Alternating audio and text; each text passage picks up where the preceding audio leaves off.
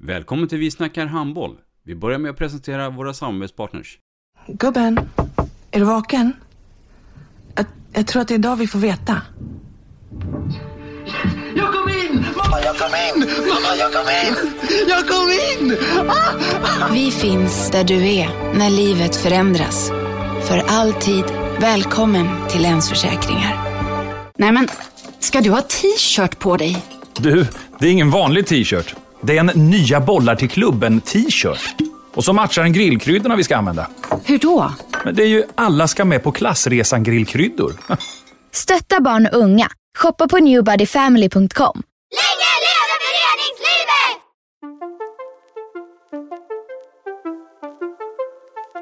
Välkommen säger vi till dig som lyssnar till den bästa handbollspodden. Vi snackar handboll med Robban Z och gäster. Vi snackar handboll, där du får veta alla sanningar som du inte visste att du missat. Vi snackar handboll.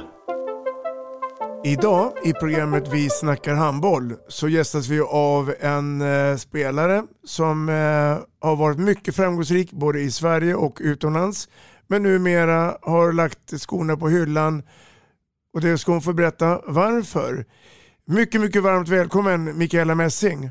Tack så mycket. Tack så mycket. Mikaela Eva Maria Messing, född 13 mars 1994 i Mölndal. Vem är det?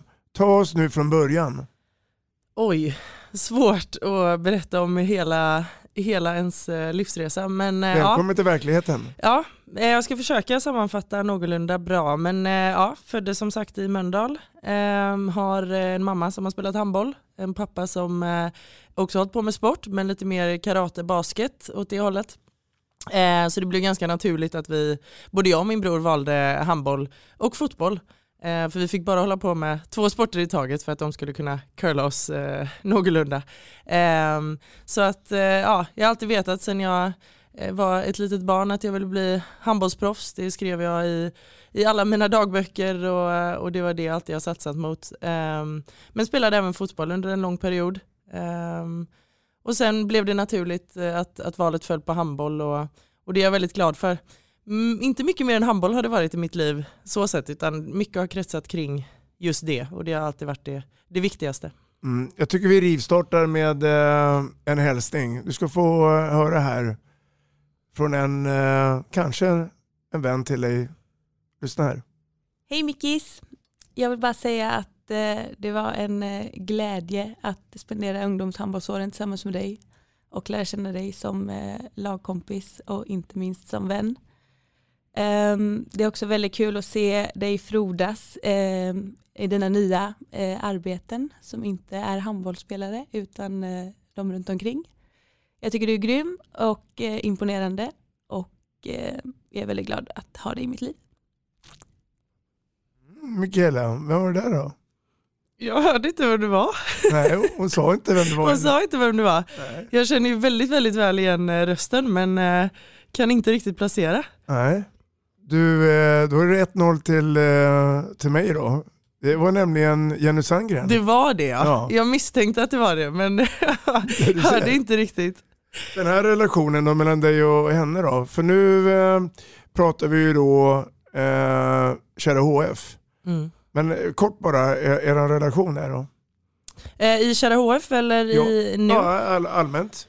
Nej men vi var jättegoda vänner och är fortfarande vänner. Eh, sen har vi varit på, på lite olika håll eh, ute i världen och Europa den senaste tiden men hälsar alltid väldigt eh, gott när vi ser varandra och, och hon är en fantastisk handbollsspelare och jag, jag gläds verkligen med hur hon har utvecklats och hur bra hon gör det i, i svenska ligan nu. Mm. Den här årgången då, 1994, eh, vill jag påstå är ju ganska vass framförallt den här regionen, alltså västra Sverige. Mm. Håller du med om det?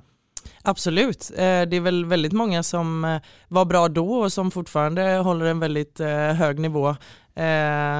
Ja, speciellt Jenny Karlsson är ute i Europa på, på äventyr och gör det extremt bra även i landslaget och, mm. och även Jenny Sandgren då i målet i Önnered så att det är väldigt och kul att se. Och varit i en sväng i Norge också. Precis. Mm. Mm. Du inledningsvis där så börjar du berätta lite grann din resa där Eh, det gick fort jag tänkte vi skulle ta den lite grann i, i repris här. Det kommer en ny hälsning från någon bekant. Lyssna här. Hej Mickis, mamma här. Jag har så många minnen kring handbollen med dig och hoppas på många fler. Ska vi börja med den långa, taniga tjejen som var yngre än alla andra med brett pannband på huvudet och som hade noja på snurrfinter kanske? Vi kan även ta den när du fick mig till att ringa läkaren och höra om du kunde få ta bort gipset på din brutna tumme. Tejpa hårt och gipsa om igen efter USM-helgen. Kan tillägga att det fick du inte. Du bröt den för övrigt i första halvlek i en prestigeladdad match med Mölndal mot Önnered. Du beklagade inte så mycket som vanligt utan spelade andra halvlek också. Vi vann. USM hägrade och du ville inte kolla upp tummen men kapitulerade dagen efter.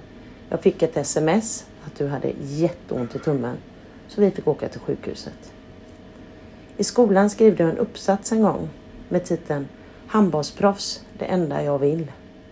Vårt familjemotto som kanske inte alltid är så bra. Allt som inte dödar härdar och din envishet gjorde att du nådde ditt mål. Pappa och jag är så ofantligt stolta över dig för vad du gör och har gjort inom handbollen. Alla upplevelser vi fått vara med om, alla resor och sist men inte minst alla otroligt trevliga människor vi fått lära känna. Puss på dig hjärtat, du är grym. Och jag Mm. älskar dig mer än livet. Mamma Eva. Ja. Man får, man, får, eh, man får gråta. Det är, du är inte den första och inte den sista. Nej. Jag förstår ju att familjen Messing är en tajt familj och eh, berätta lite mer om, om mamma och pappa här då. För du var inne på lite grann med curling och det. Curling? Ja, Ja, curlade. de curlade. Ja, Ja, precis. Ja. precis. Ja, nej, men de har ju alltid varit eh, extremt stöttande. Eh, ibland kanske lite för mycket. När man ibland bara vill prata om annat, när handbollen kanske inte går som man, som man vill. Men eh, de har ju stöttat mig i allt och skjutsat mig överallt hela tiden. Och, Pappa har ju även varit iväg på, på FN-tjänster Mm. runt om i världen och, och mamma har, har krigat med oss två barn så att eh, det har inte alltid varit lätt men de har alltid stöttat mig i allt jag har gjort. Mm. När, när vi pratar eh, skolperioden och, och om vi lämnar låg och mellan vi går upp i, i högstadiet där. Var det, var det bara idrott som gällde då? Eller hade du andra intressen under de åren? Nej det har alltid bara varit handboll och fotboll. Ja. Ehm, och det Inget väl, dans och musik och scouter och sådana saker eller? nej absolut inte. Eh, killar i sådana fall. om man ska säga Det ingår i livet. Precis, nej men eh, det har alltid bara varit idrott för mig och, och på gott och ont för att jag la ju inte manken till i skolan vilket eh, man ångrar eh, idag eh, såklart att eh, man, man hade nog kunnat göra mer i skolan även om man spelade handboll. Så att det ångrar jag väldigt mycket idag Mm. men det kan man ju inte göra ogjort tyvärr. Nej. Sen kommer vi i en tid där du ska in i gymnasiet. Helt plötsligt blir det ett val här nu. Hur, hur tänker man här när man ska lämna nian och in i gymnasietiden? Hur tänkte du då? Ja men, men som jag sagt tidigare så var det ju bara idrott som, som gällde så att det var ju ingen, det var ingen tanke på något annat än att jag skulle in på, på Katrinelundsgymnasiet i, här i Göteborg. Ehm, så att eh, jag sökte både på handboll och fotboll ehm, och eh, kom inte in på handboll för jag gick med ett år äldre i skolan Mm. också. Eh, så på uttagningarna så var jag väl inte, jag tog väl inte för mig mest om vi säger så. Så jag sprang runt på, på högerkanten för att det var ingen annan som ville spela högerkant. Så att eh, där, med facit i hand så skulle man kanske tagit för sig lite mer Mm. eh, på de uttagningarna. Men kom in på fotboll istället. Så jag gick ett halvår fotboll på Katrinelund innan, Okej. jag, innan det var dags för Sverigecupen i, i handbollen. Eh, och jag gjorde det ganska bra där och då Mm. frågade scouterna på, på Katrinelund om jag istället ville byta över till handbollen, vilket Mm. jag gjorde. Och du, du tvekade inte en sekund då? Inte en sekund. Nej. Nej, det var, eh, även om fotboll var väldigt roligt så var det ändå alltid handbollen som, som har haft en ja, större plats i mitt hjärta kan man väl säga. Så att jag tvekade inte en sekund. Och de här åren då med, som jag brukar säga, de här magiska tre åren på gymnasiet. Det hände mycket då på tre år. Man tränar extremt mycket. Var det någon gång under den här tiden för mycket? Att du kände att nej, är det här verkligen min grej? Eller, eller hade, fanns det inga hinder för dig? Nej, det fanns inga hinder. Eh, och jag tror någonstans att på den tiden när jag gick på gymnasiet som nu är tio år sedan, mm. jag har ju blivit lite till åren, eh, så var det inte lika mycket träning kanske utöver gymnasiet och handbollsträningar. man lag inte lika stor vikt vid, vid all fysträning som man kanske gör med de unga nu. Eh, även om man var uppe i A-laget väldigt tidigt eh, på den tiden så, så var, jag tror att de tränar mer nu än vad vi gjorde då. Mm. Mm. Som senior så spelade du med Kärra under tiden 2010-2012. Ja. Sen lämnar du Kärra för att gå till kollegan, konkurrenten eller grannen BK Heid. Varför då? Nej men det var en eh, kombination av, eh, av lite olika saker tror jag. Att, eh, det var väldigt roligt att spela i Kärra, vi var en väldigt fin årgång eh, och hade, jag hade två fina år där. Eh, men när det kom upp i A-lag och det var mycket konkurrens och sådär så, så så är man väl girig eh, redan som ung att man vill, man vill ha sin speltid och allt vad det är. Eh, och så valde jag att gå till Heid för att det, ja, det såg ut som att det skulle ge mig mer utveckling att gå dit och eh, min, eh, en av mina bästa vänners pappa var tränare och han sa att jag var väldigt välkommen dit så att då blev det naturligt att gå till Heid. Mm. Och i den här vevan, den här perioden då, och du var inne på det med eh, eh, duktig årgång. Jag tänker på Sverigecupen.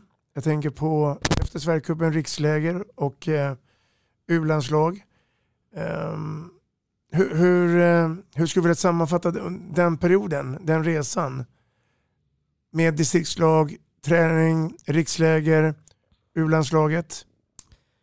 Ja, men en, en, väldigt fin tid där man fick uppleva väldigt mycket och, och riksläger har man ju någon form av hatkärlek till. Mm. Eh, det var ju väldigt mycket träning och tester och fan och hans moster om man får säga så. Mm. Så att det, man vill ju alltid vara med på rikslägren men, men någonstans när man väl var i Katrineholm så, uh, så vill man oftast därifrån.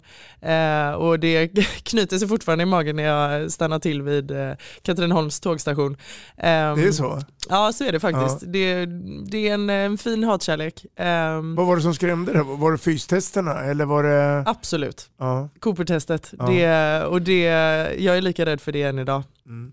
Eh, så att eh, det, ja, en fin hatkärlek. Eh, men sen U-landslagen, jag var väl med på de, på de flesta samlingarna. Eh, jag tror det var ett mästerskap jag missade. Um, och det var ju jätte, jätte, jättefina år. Och jag har mm. fått så mycket vänner därifrån och är, är väldigt glad för, för de åren. Mm. Jag tror att du ska få uh, en hälsning här uh, som berör den tiden. Lyssna nu Mikaela. En av eh, Mikaelas framtidsresor har varit med eh, U-landslaget. Allting började med eh, distriktslaget, riksläger och U-landslaget. Och en av många ledare för dig Mikaela har ju varit Birte Buttan Hansson. Buttan, om du kort berättar egenskaper över Mikaela Messing. Eh, Hej Mikaela. Eh, de första på rikslägerna och eh, eh, Mikaela, din resa som du gjorde med, med landslaget. Eh, du var ju en stor skytt upplevde vi det som och uh, det var en stor glädjespridare eh, runt dig och på, i laget och som betydde oerhört mycket. Och jag kommer heller inte det bästa som jag någonsin har sett dig spela i, i landslaget det var när vi spelade ungdoms-OS i Turkiet. Eh, tyvärr så, så blev du sjuk och lite skadad där men där, här fick du ett enormt genombrott när vi spelade mot eh, Ryssland. Om du eh, beskriver Mikaelas egenskaper som handbollsspelare, hur skulle det eh, låta? Ja, orädd, eh, kör till hon blir utbytt eh, och även om hon missade någon skott och så satte hon nästa men hon bara fortsatte. Och det är en stor egenskap att ha att man inte slutar för att man har missat ett par skott utan det är ledaren som får ta ut det och stoppa henne i så fall. Utanför plan, hur var Mikaela Messing då? Eh, Mikaela var alltid glad, eller är glad tror jag. Eh, och eh, ja, en enorm glädjespridare i, för alla. Hon hade tid för alla och lyssnade på alla. Och, eh, ja, eh, verkligen en enorm glädjespridare. Hennes resa gick ju vidare sen efter U-landslaget med bland annat eh, framgångsrik i eh, klubblag i Sverige och sen proffsspel. Är det någonting som överraskar dig, Buttan? Nej, faktiskt inte. Äh, inte med den kapaciteten som, äh, som eh, Mikaela besatt. Liksom, eller, eh, och det är så, man är så ledsen över att det ska vara en skada som ska, som ska stoppa, stoppa den resan, måste jag säga. För att det, men eh, ja, nej, det var jag faktiskt inte. En enorm skytt. Jag hade verkligen hoppats att hon skulle få lov att spela ännu längre. Ser du Mikaela Messing på sikt som ledare, tränare för något eh, handbollslag?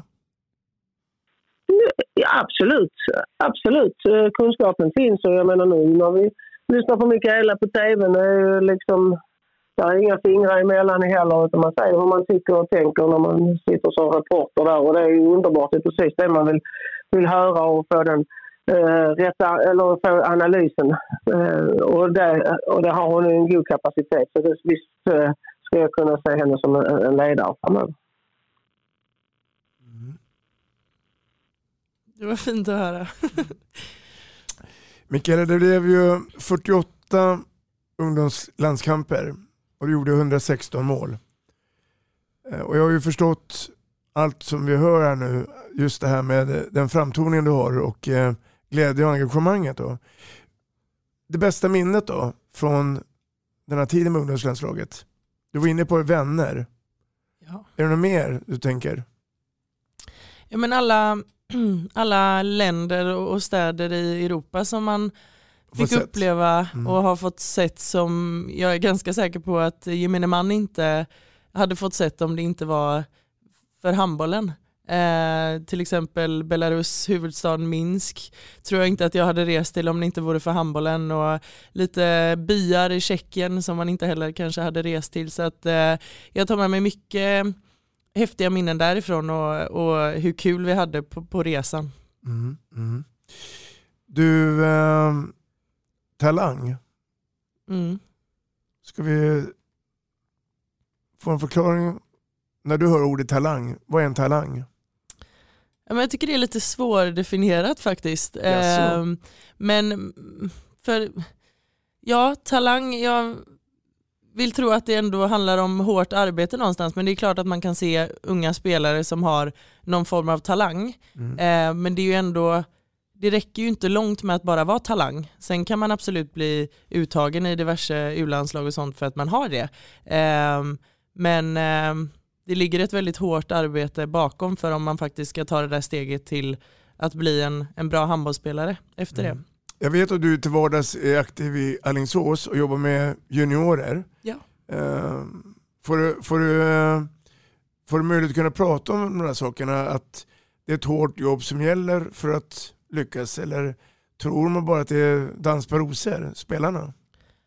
Uh, nej men min roll i Alingsås handlar mycket om, uh, vi kallar, eller om man ska ta min roll så är jag lite av en mentor för Aflik Junior. Uh, så att i det mentorskapet handlar det mycket om att dela med sig av ja, mina erfarenheter och, och, hur jag ser på, på handboll och vad som krävs. så att det tycker jag faktiskt att jag absolut får utrymme för. Mm. Jag vet inte om du minns det, men 2012 så blir du utsedd till en av Sveriges största talanger mm. av eh, magasinet Match. Um, när man får reda på sånt där, eh, alltså, vad tänker man då? Tänker du att oj, nu kommer alla titta på mig eller det här var väl roligt? Och, eller bryr du inte dig så mycket om det där utan du gör din grej? Nej, men jag har alltid varit en, en, spelare eller människa som bryr mig väldigt mycket om vad folk tycker och tänker om mig. Eh, så att jag tror min första tanke när jag såg den listan var att eh, attans att jag inte var högre upp på listan. Mm. tror jag. För att jag har alltid velat mer liksom. Mm. Eh, aldrig varit nöjd med någonting jag har gjort i princip. Så är det absolut. Så att, eh, jag tror min första tanke var jag skulle ju ha varit nummer ett. Mm. Alltså att jag hade velat vara nummer ett, sen, sen förstår jag att jag inte var det. Men, men eh, jag tror det var min första tanke. Mm. Du, eh, det här med eh, vinna och förlora då. Är du en vinnarskalle och är du en dålig förlorare? ja. väldigt mycket av båda. Ja, ska vi börja med det positiva, vinnarskallen då? Var, var har du fått den ifrån, mentaliteten? Eh, mamma och pappa, Mm. tror jag. Eh, vi, vi tävlar i allt och har alltid gjort, tror jag. Eh, Oavsett om det handlar om Yatzy eller... Oavsett vad. Ja. Eh, så att det, det kommer väl någonstans därifrån och jag minns mina föräldrar när jag var liten, eh, när jag inte fick vinna, när jag märker att det går emot då började jag gråta och sprang därifrån för jag ville inte förlora. Eh, och då så lät de mig göra det för att de skulle inte tumma på reglerna för att jag skulle vinna utan man skulle lära sig eh, från ung ålder. Så att jo, jag har alltid varit en vinnarskalle och en väldigt, väldigt dålig förlorare. Ja, och, och, varför då? då? Alltså, för jag misstänker ju att, du var inne på det, man blir ju äldre och äldre för varje dag. Eh, skapar massa erfarenheter. Men, men hur, hur kan man jobba bort den där mentaliteten och att vara en dålig förlorare? Ja, men någonstans, jag tror inte jag vill jobba bort den. Eh, Den ska finnas. Ja, men jag tycker ändå att eh, det är lite härligt och man uppskattar ju när någon annan är dålig förlorare och då är jag nog ganska bra på att rub it in Mm. till dem. Mm. Eh, och sen eh, är jag nog kanske inte lika bra på att ta det själv. Eh, men, eh, nej, men jag tror inte jag vill jobba bort. Sen är det klart att man skulle kunna bli en lite bättre förlo- förlorare. Eh, men eh, nej, jag tror inte jag vill jobba bort det. Nej. Om vi går tillbaka till vardagen så är det så att du är ju då i BK Heid två säsonger. Sen 2014 och fem säsonger framåt så hamnar du nere i Hör Ja. i Skåne. Lämnar den här härliga dialekten göteborgskan för att åka ner och spela i Hör. Då undrar man ju varför. Ehm, ja, bra fråga. Men jag, jag var väl sugen på, på att eh, testa mina vingar i ett eh, lite bättre lag. Eh, för när jag spelade i Heid så var vi ganska, vi härjade runt i, i botten. Mm. Eh, och eh, tänkte väl även på min utveckling. Eh, och jag pratade med lite olika klubbar men fick väl en, eh, en bra helhetsbild av Hör. Eh, och det kändes som att i de klubbarna jag hade varit innan eller tidigare så var det en väldigt familjär stämning och en väldigt familjär klubb. Eh, och det kände jag väl att eh, H65 Hör också var. Eh, så då valde jag nog lite tryggheten där. Vi har inte egentligen pratat om det, men vi kan göra det nu. Ehm, din position och din plats på en spelplan. Berätta lite grann eh, om den. Ja, eh, vänsternia eh, var jag väl eh, mest. Eh, förutom ungdomsåren spelade jag faktiskt väldigt, väldigt mycket på högernia, eller nästan uteslutande. Eh, vilket är lite märkligt när man tänker på hur lång jag alltid har varit. Eh, så då var jag väl lite mer en, en genombrottsspelare. Eh, men som sagt med tanke på min längd så, så blev det mer naturligt att jag eh, började spela mer på vänsternia. Eh, så man kan väl kalla mig skytt. Kan man väl Och, och, och var det det H65 Hör var ute efter? Att hitta en skytt? Ja, eh, och det var ju även i Heid, det var väl i Heid, eh, under Heid-perioden som jag skolad, skolades om, kanske man inte kan säga, men till och blev mer en utpräglad skytt och vänsternia. Eh, kanske lite för tunn på den tiden, men eh, det rättade till sig ganska bra i, i Hör. Du fick börja träna? Jag fick börja träna, jag fick bekänna färg, eh, vilket eh, var härligt. Ehm, men eh, ja, man gjorde ju lite hundår där. Eh, första två åren eh, egentligen, eller ett och ett halvt, eh, gjorde man ju eh, hundår i Hör. Eh, Men det blev ju väldigt bra. Att det blev så många år där då? Vad, vad, vad tror du att det berodde på? Men jag tror alla som har spelat i Hör eller spelar i Hör kan, kan vittna om att det är en väldigt fin förening och, och väldigt eh, fina människor runt omkring och jag känner mig verkligen som hemma eh, i Hör. Eh, och jag tror att om jag skulle spela i högsta ligan i Sverige igen så hade jag nog valt Hör igen för att det, det känns som att det är laget i mitt hjärta och även med Ola Månsson där då som jag, eh, en tränare som jag håller väldigt högt så eh, ja, nej, men det kändes familjärt och eh, som ett hem. Mm. Och en förening med vinnarkultur? Absolut, det bidrar ju. Eh, kommer ju aldrig glömma SM-guldet där, det var ju något eh, ja, väldigt fint att tänka Berätta tillbaka mer. på. Ja, nej men eh, det var ju, eh, nu minns jag ju inte vilket år det var, men jag tror det var 2017 eh, som vi eh, tog SM-guld. Eh, och jag har, eh, ja det är så, ett sånt fint minne och jag är så glad att, att man fick uppleva det innan man eh, har lagt av. Ehm, och sen tog vi väl silver året efter vilket fortfarande grämer mig och oss alla tror jag. Men, Var en besvikelse det? Väldig besvikelse.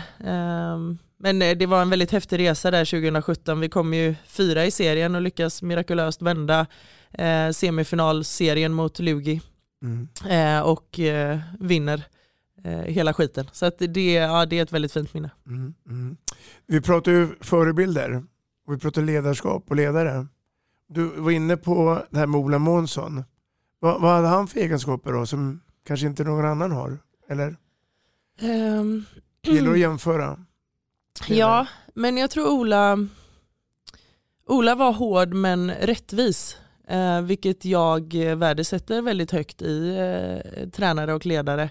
Att eh, han var ärlig och rak. Eh, hellre det än att eh, lova guld och gröna skogar och sen inte stå för, för det man säger någonstans. Mm. Utan han var ärlig och sa att du behöver förbättra det här och det här och det här. Eh, och då kommer du få mer speltid eller vad det nu kan vara.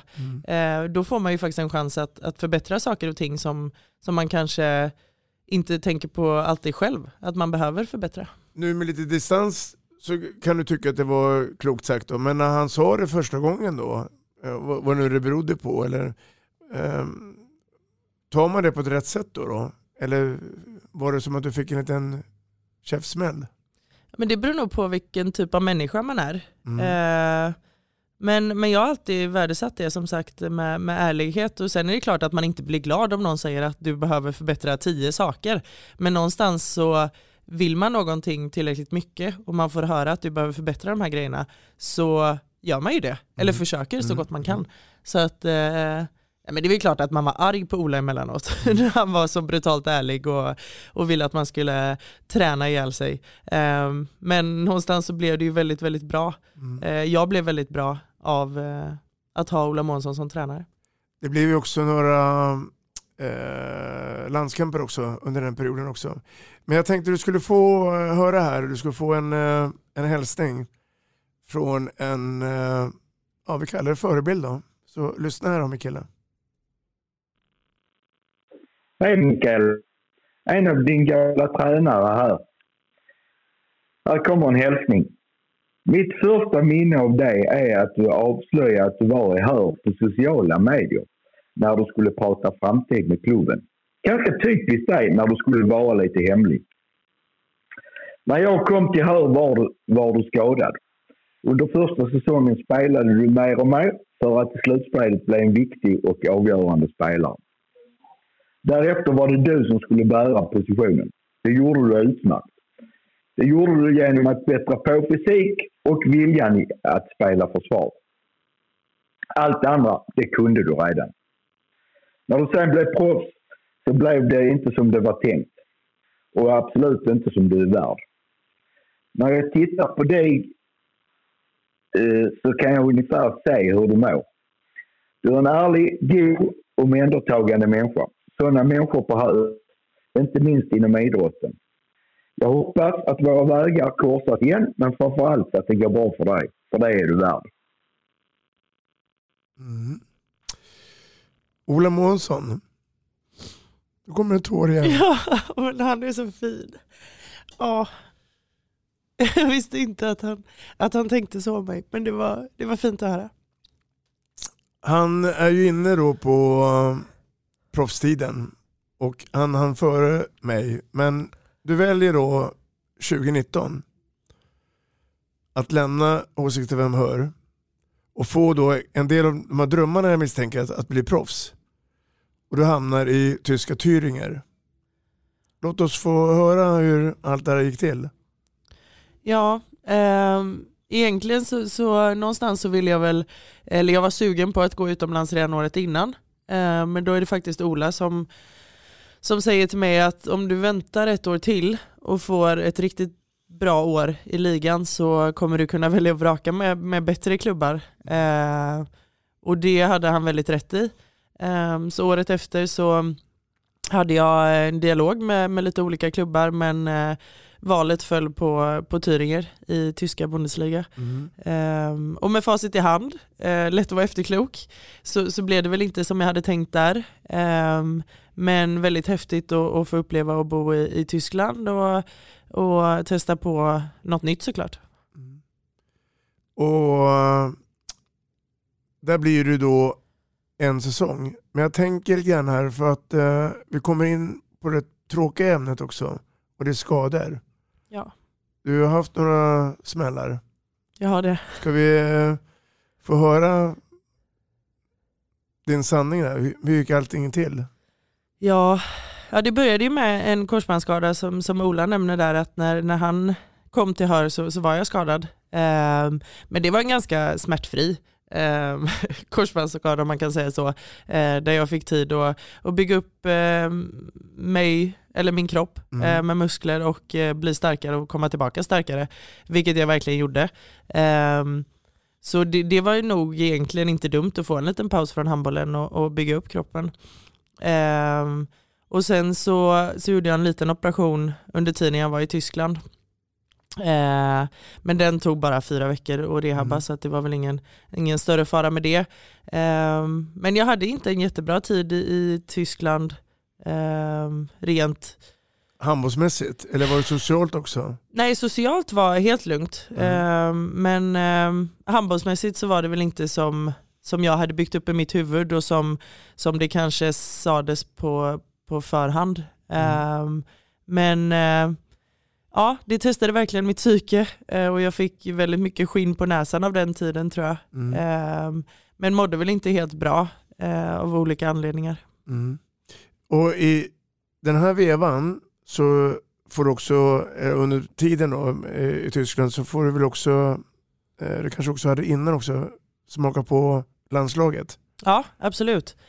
Och det var väl lite det som höll huvudet över vattenytan kan man väl säga. Att, att någonstans så såg man bara fram emot att få, få lämna laget där och, och komma till en landslagssamling med alla ens vänner och ehm, eh, glädje och, och, och spela handboll. Mm. Eh, för det var väl det som som bidrog till att jag hade det, dåligt där. Att eh, jag fick inte spela handboll eh, och det är ju det man jag tror att det blir ännu större när man faktiskt flyttar utomlands för att spela handboll på heltid som jag inte hade testat på innan. Då blir ju handboll ännu mer hela ens värld. Eh, för när jag bodde i Hör så, så jobbade jag ju på en skola samtidigt och då kunde man ändå koppla bort handbollen lite ibland. Eh, så att eh, ja, det tog hårt på psyket. Mm. Har, det, har det varit så att du har varit nere och hälsat på i Hör? Som en vanlig turist? Ja absolut, jag har varit där på, på några matcher och det är alltid lika kul att vara tillbaka där och träffa alla gamla elever som man har haft genom åren och eh, alla människor runt omkring så att det, det är bara roligt att åka ner dit och, och hälsa på. När vi kommer då till att ett kapitel tar slut i tyska Thüringer, hur, hur går tankarna här då? För sen hamnar du i ett helt annat land. Ja det kan man ju lugnt säga att Ja. jag gjorde. Eh, nej men tankarna gick väl att eh, jag ville bort från eh, Tyskland eh, och eh, min agent visade en ganska bra bild av eh, ett rumänskt lag, Bayern Mare.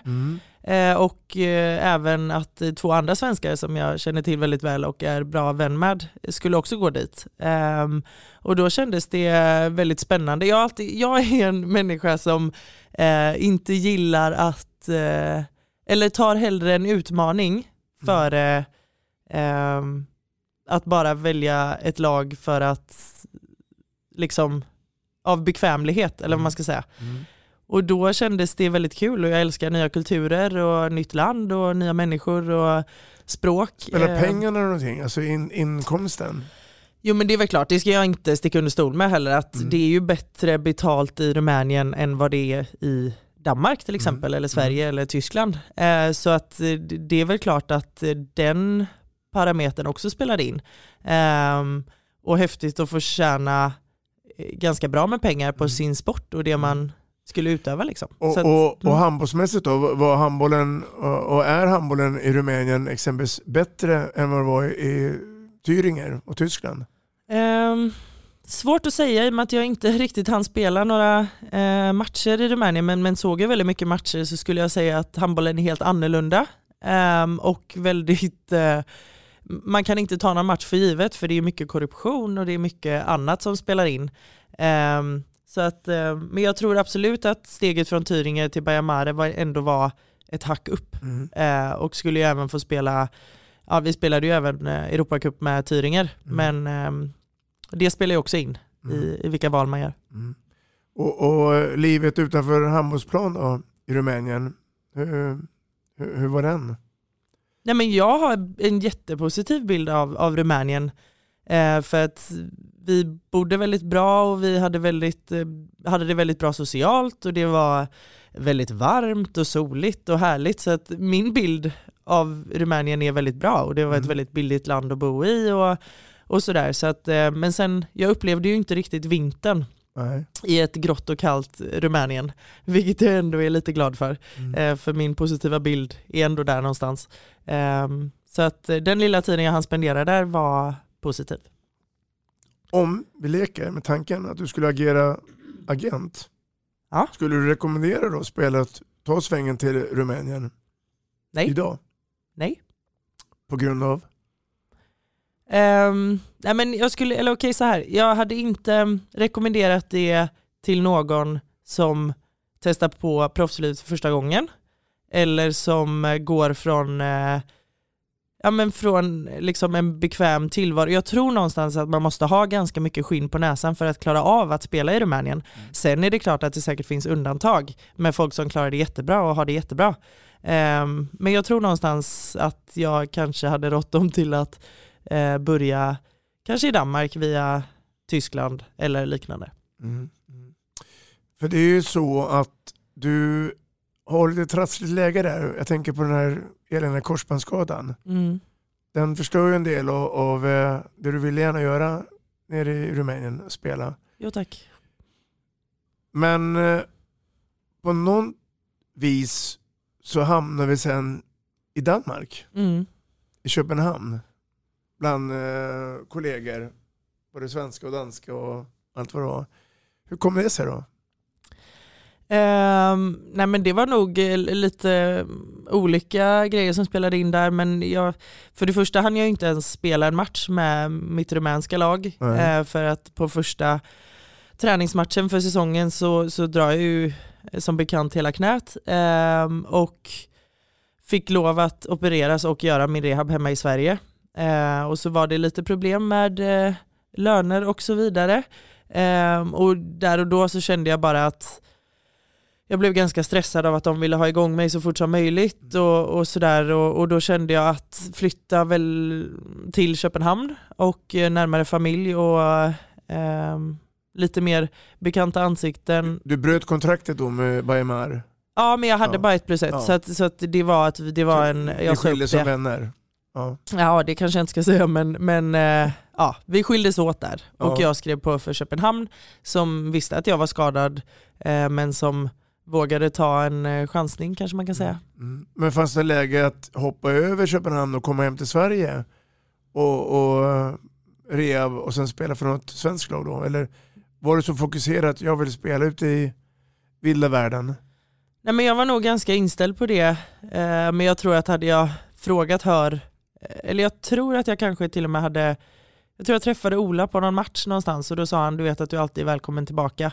Ehm, men då var jag nog ganska inställd på att det hade varit ett misslyckande om jag hade gått tillbaka till Sverige efter två misslyckade år utomlands. Så att jag tror inte den tanken slog mig.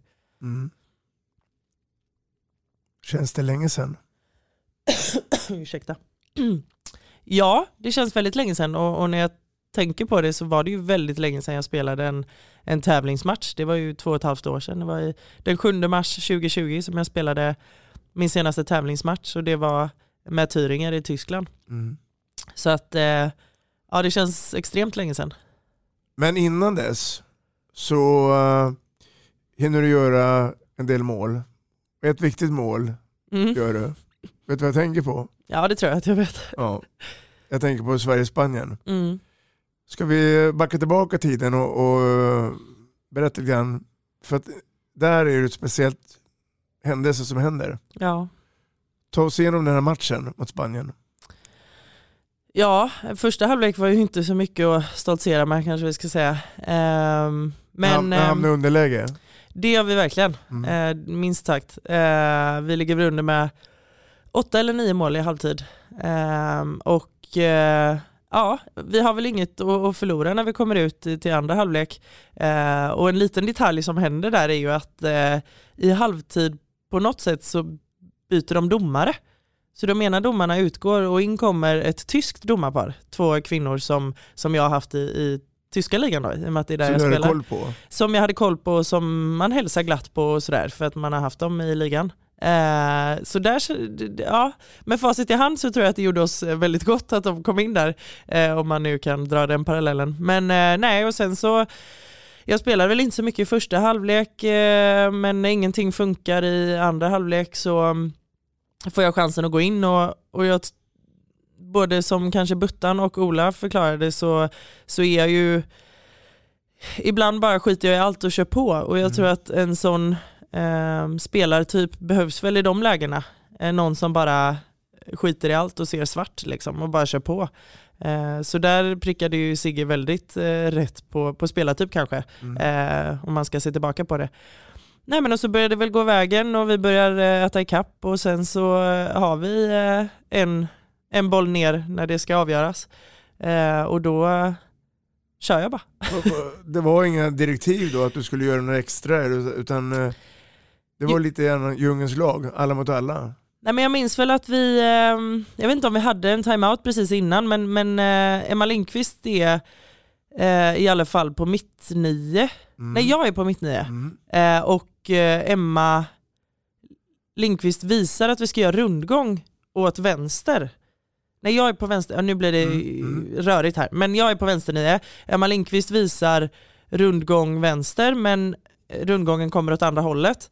Eh, så på något sätt hamnar jag på högernio, eh, vilket jag inte vill vara när det ska avgöras kanske. Så vi kör en växel in och, och sen så bara går jag på mål och, och skjuter och så går den i mål.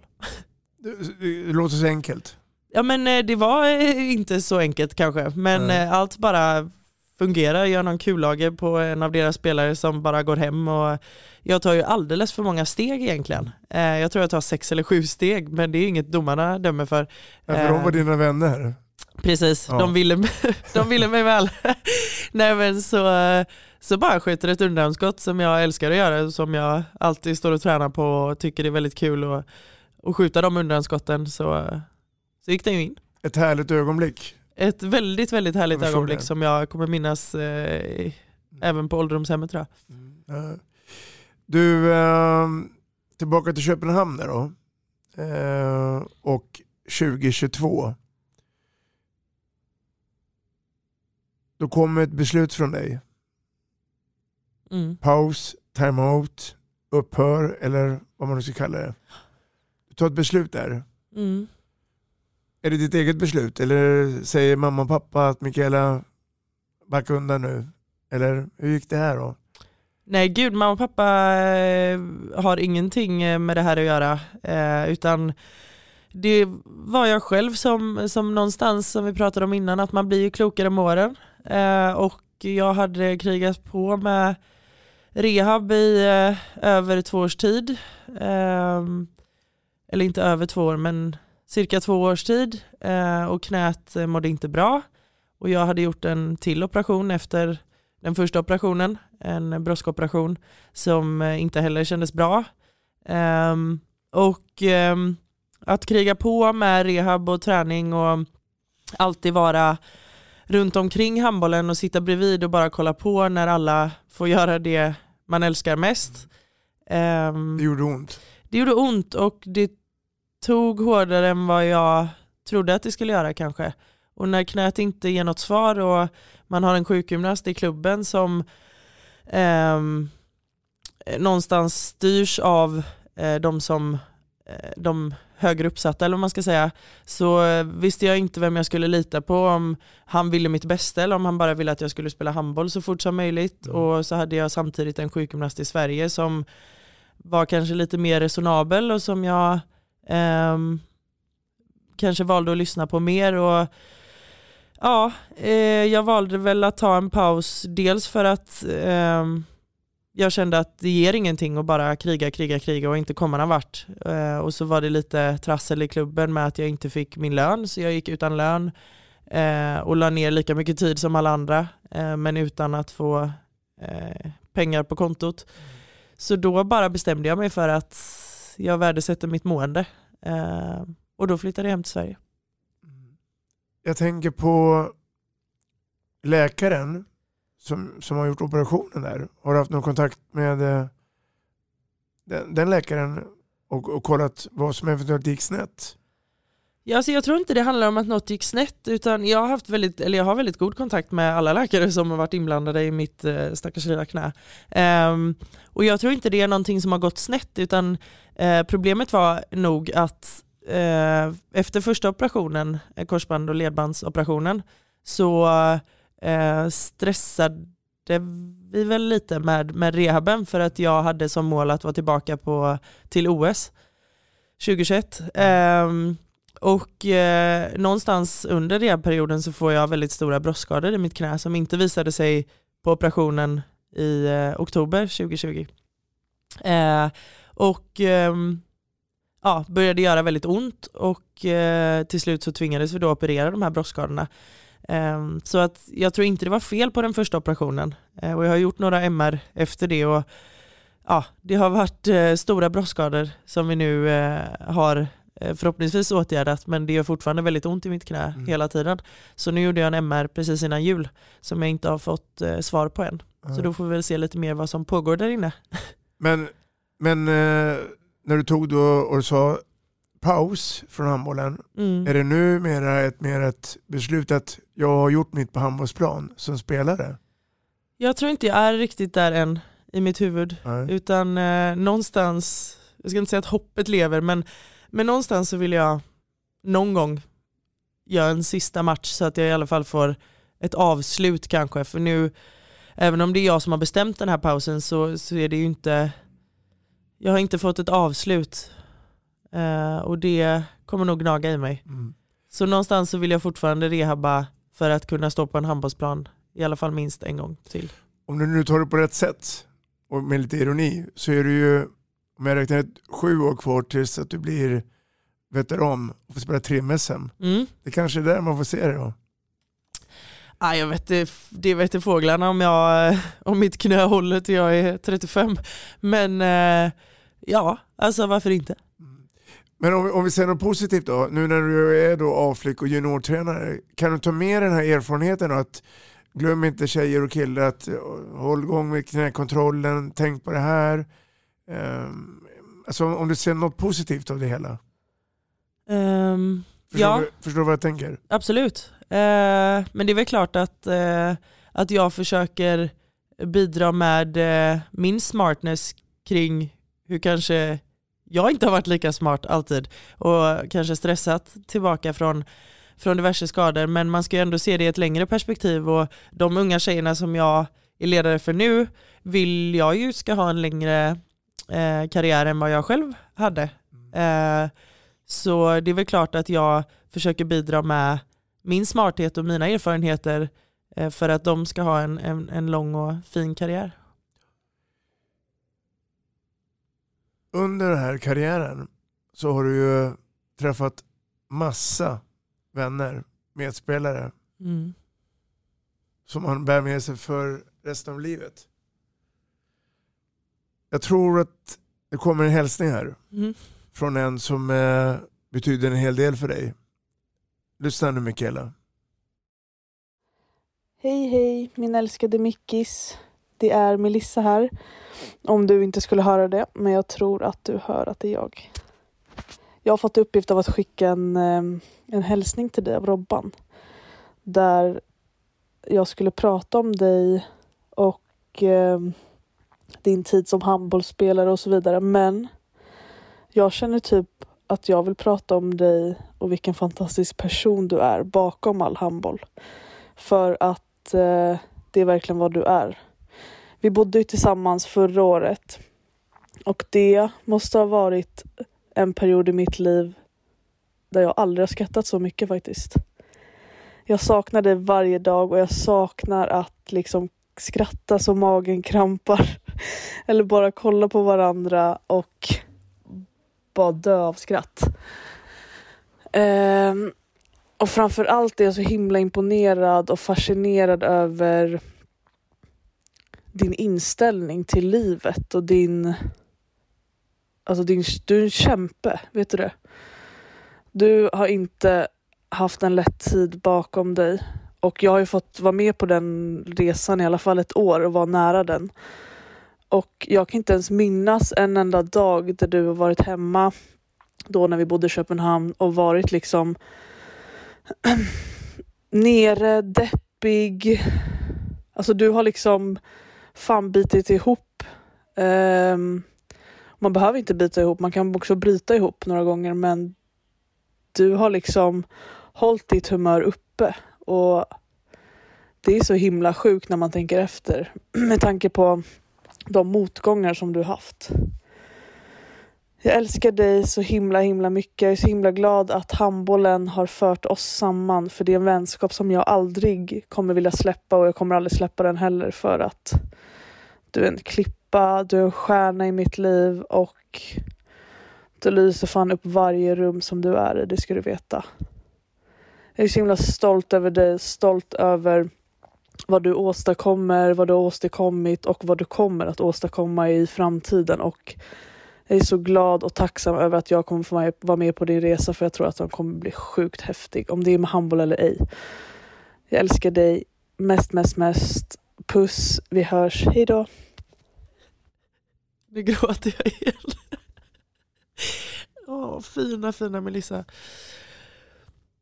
Jag tycker det är en bra sammanfattning av det här. Nu är det en annan grej som vi skrivit kapitel på.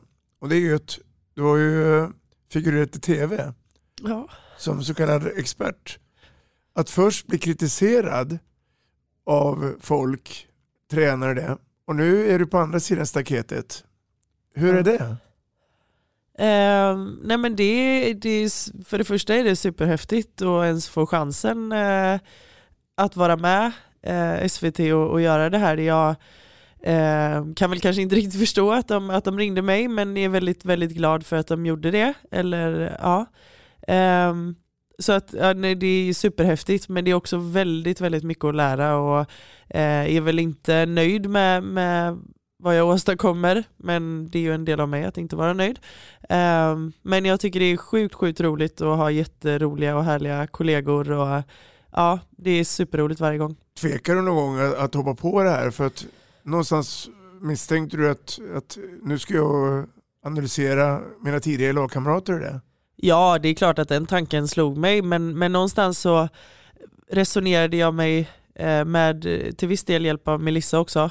Um, att jag kommer ju aldrig kritisera dem som människor utan jag kritiserar, om jag nu kritiserar så kritiserar jag hur de gör i vissa situationer eller deras val på handbollsplan.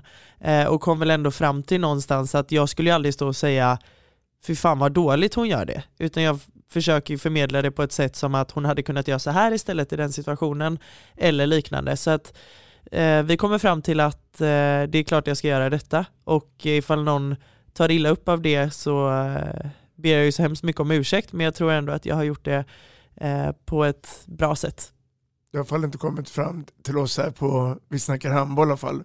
Eh, tvärtom. Eh, jag tycker det är roligt, jag tycker det är eh, kul att du vågar testa något nytt här. Då. Eh, jag börjar få gråa hår. Jag med. Och jag väntar och väntar och väntar. Men när ska vi få uppleva ett VM-guld? för svensk damhandboll på seniornivå, tror du? Oj. Eh, men jag tror att, att de är på god väg eh, redan nu. Eh, och jag kände att när Axner och Wiberg kom in på tåget så har det gjorts en del förändringar eh, som jag anser är bra förändringar med eh, fysträning och, och allt runt omkring. Så att eh, jag tror att svensk handboll mår bra och är på väg åt rätt håll. Eh, men det är nog inte inom en fyraårsperiod skulle jag ändå vilja säga. Men eh, ser ljust ut inför framtiden tycker jag. Vill du att vi ska exportera flera spelare utomlands? Är det receptet och en del av facit tror du? Eller kan vi få en liga i Sverige genom att de är kvar och ändå vara med på den stora marknaden landslagsmässigt? Ja men eh, det är väl klart att när man kollar på andra landslag så är det ju inte mm, jättemånga som, som spelar i den inhemska ligan eh, kanske. Eh, men någonstans så handlar ju allting, det är ju, det är ju ett, eh, ja vad ska man säga, det, det som är tråkigt med svensk handboll är ju att det inte finns tillräckligt med pengar. Eh, och då ringer ett danslag och erbjuder att du får eh, 20 000 i månaden för att vara handbollsproffs så är det väl klart att det lockar även om vissa kanske inte är mogna för den uppgiften eh, när den kommer. Ehm, så att eh, allting handlar väl om att försöka hålla kvar talanger längre i svenska ligan för att sedan blomma ut utomlands. Men är det lättare sagt än gjort då, tror du? Ja, alltså pengar växer ju inte på träd och, och det är ju eh, ett väldigt svårt arbete har, har man ju insyn nu när man själv jobbar i en handbollsklubb att eh, det är inte bara att knäppa med fingrarna så kommer sponsorer och vill eh, bidra så att eh, det är nog väldigt mycket lättare sagt än gjort. För jag tänker lite grann så här att de spelarna som är nu i SOE och tränar eh, mycket eh, och så kommer uttagningen från eh, förbundsledningen och sen är det extremt få spelare från inhemska ligan. De, de tankarna och, och eh, frustrationen kanske. Eller är det någonting som man, man måste gilla läget? Alltså någonstans så handlar det väl om att man måste lägga ner jobbet och i den svenska ligan så eh, tror jag, eh, utan att säga för mycket, så tror jag att de flesta har ett jobb vid sidan av. Eh, på en viss procent i alla fall och eh, många pluggar så att eh, det, man kanske inte kan lägga ner den tiden som krävs för att vara med i ett landslag eh, och utomlands så kan man ju det och där tränar man ju väldigt, väldigt mycket mer. Ehm, och det, om jag hade varit förbundskapten så är det väl klart att man hellre kollar ut i Europa för där är träningskulturen bra, man tränar mer och det är bättre ligor. Eh, så det är väl klart att de bästa spelarna ska tas ut i ett landslag och då är det väl fler eh, i utländska ligor än i svenska ligan. Det tycker jag är fullt naturligt. Visst är det häftigt att prata handboll? Absolut. Nu är det så här, Mikaela, att tiden har kommit ikapp oss. Ja. Det har varit en ära att ha haft med här och eh, glädje som många pratar just om dig eh, och kul att få höra din härliga resa. Den här resan tar nog inte slut på ett bra tag till. Eh, jag hoppas att det har varit ömsesidigt Verkligen. att vara med här och snacka handboll. Det har varit jättehärligt, jätteroligt. Stort lycka till nu framöver oavsett vilken roll du kommer att ha. Tack. Men jag tror på dig också. Tack så jättemycket.